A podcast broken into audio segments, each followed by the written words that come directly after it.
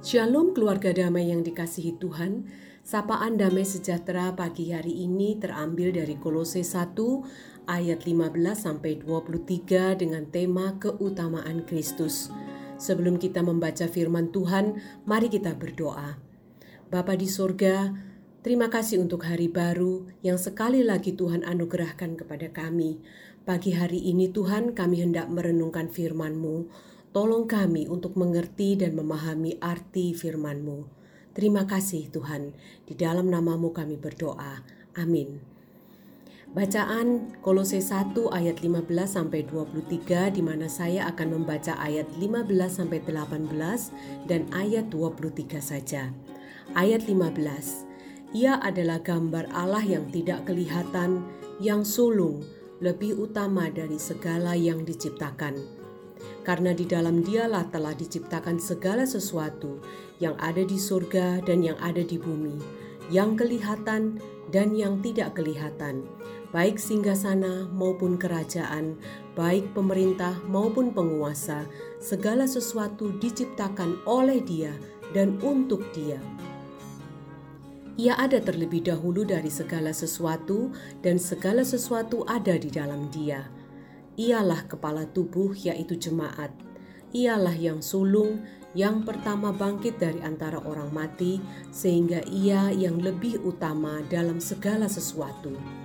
Ayat 23 Sebab itu kamu harus bertekun dalam iman, tetap teguh dan tidak bergoncang, dan jangan mau digeser dari pengharapan Injil yang telah kamu dengar dan yang telah dikabarkan di seluruh alam di bawah langit, dan yang aku ini, Paulus, telah menjadi pelayannya. Saudara Samas yang dikasihi Tuhan, judul perikop bacaan kita pada pagi hari ini yang tertulis di Alkitab adalah keutamaan Kristus. Mari kita lihat apa arti kata keutamaan. Kamus Besar Bahasa Indonesia menerangkan kata keutamaan adalah keunggulan, keistimewaan, dan hal atau sesuatu yang penting. Dalam Alkitab bahasa Inggris NIV tertulis The Supremacy of Christ, di mana arti kata supremasi adalah kekuasaan tertinggi atau teratas. Jadi jelaslah terlihat bahwa pada perikop ini Paulus ingin menegaskan tentang keunggulan, keistimewaan, dan kekuasaan tertinggi Kristus. Paulus menulis surat ini kepada jemaat di Kolose pada saat ia berada di dalam penjara, dan Paulus tidak pernah bertemu dengan jemaat ini. Dari Epafras, Paulus mendapat kabar bahwa jemaat Kolose mendapat banyak godaan untuk berpaling dari Kristus. Kristus bukan lagi yang utama. Mereka yang tadinya menganut politeisme atau menyembah banyak dewa tergoda untuk tetap percaya kepada ilah-ilah lain di luar Kristus. Kristus dianggap hanya sebagai salah satu saja dari banyak dewa yang bisa mereka sembah. Karena itu Paulus menulis surat ini untuk mengajak jemaat Kolose melihat tentang siapakah Kristus itu.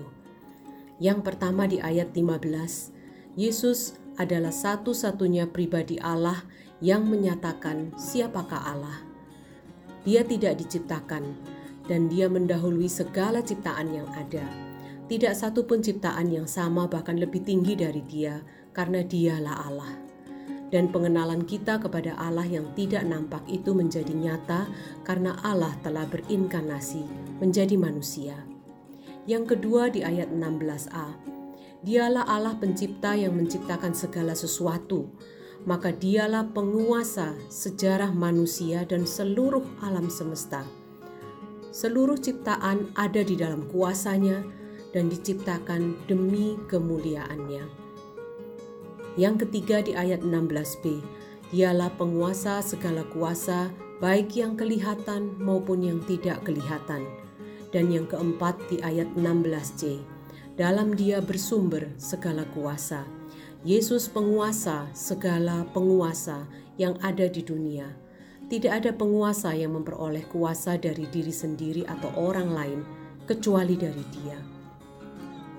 Paulus benar-benar menghayati arti keutamaan dan kekuasaan tertinggi Kristus dalam dirinya, sehingga meskipun ia sedang ada di dalam penjara, Paulus tidak takut akan apa pun dan kepada siapa pun kecuali kepada Kristus sendiri. Karena bagi Paulus, Kristuslah yang paling utama. Karena itu di ayat 23 Paulus mengajak kita untuk terus bertekun dalam iman, tetap teguh dan tidak bergoncang dan jangan mau digeser dari pengharapan Injil. Artinya apa dalam kehidupan kita sehari-hari Bapak Ibu? Artinya, jika kita sungguh percaya bahwa Kristuslah yang paling utama dalam kehidupan kita, dan tidak ada kuasa yang bisa melebihi kuasa Tuhan kita, maka marilah kita lebih mendekatkan diri kepada yang paling utama itu. Marilah kita terus melekat kepada yang paling utama itu.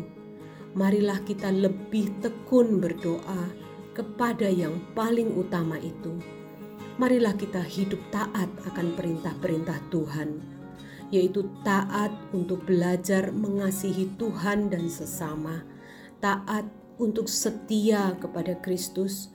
Bahkan kita juga harus taat untuk tidak takut akan apa pun, taat untuk tidak jatuh dalam kekhawatiran dalam hal apa pun, dan taat untuk terus setia menggali kebenaran-kebenaran firman Tuhan, supaya kita semakin mengenal siapa Tuhan kita, dan sehingga apa pun nanti yang akan datang dan yang akan kita alami dalam kehidupan kita, susah atau senang, sakit atau sehat, kita tetap melekat dan percaya kepada yang paling berkuasa atas dunia dan hidup kita, yaitu Kristus Tuhan kita.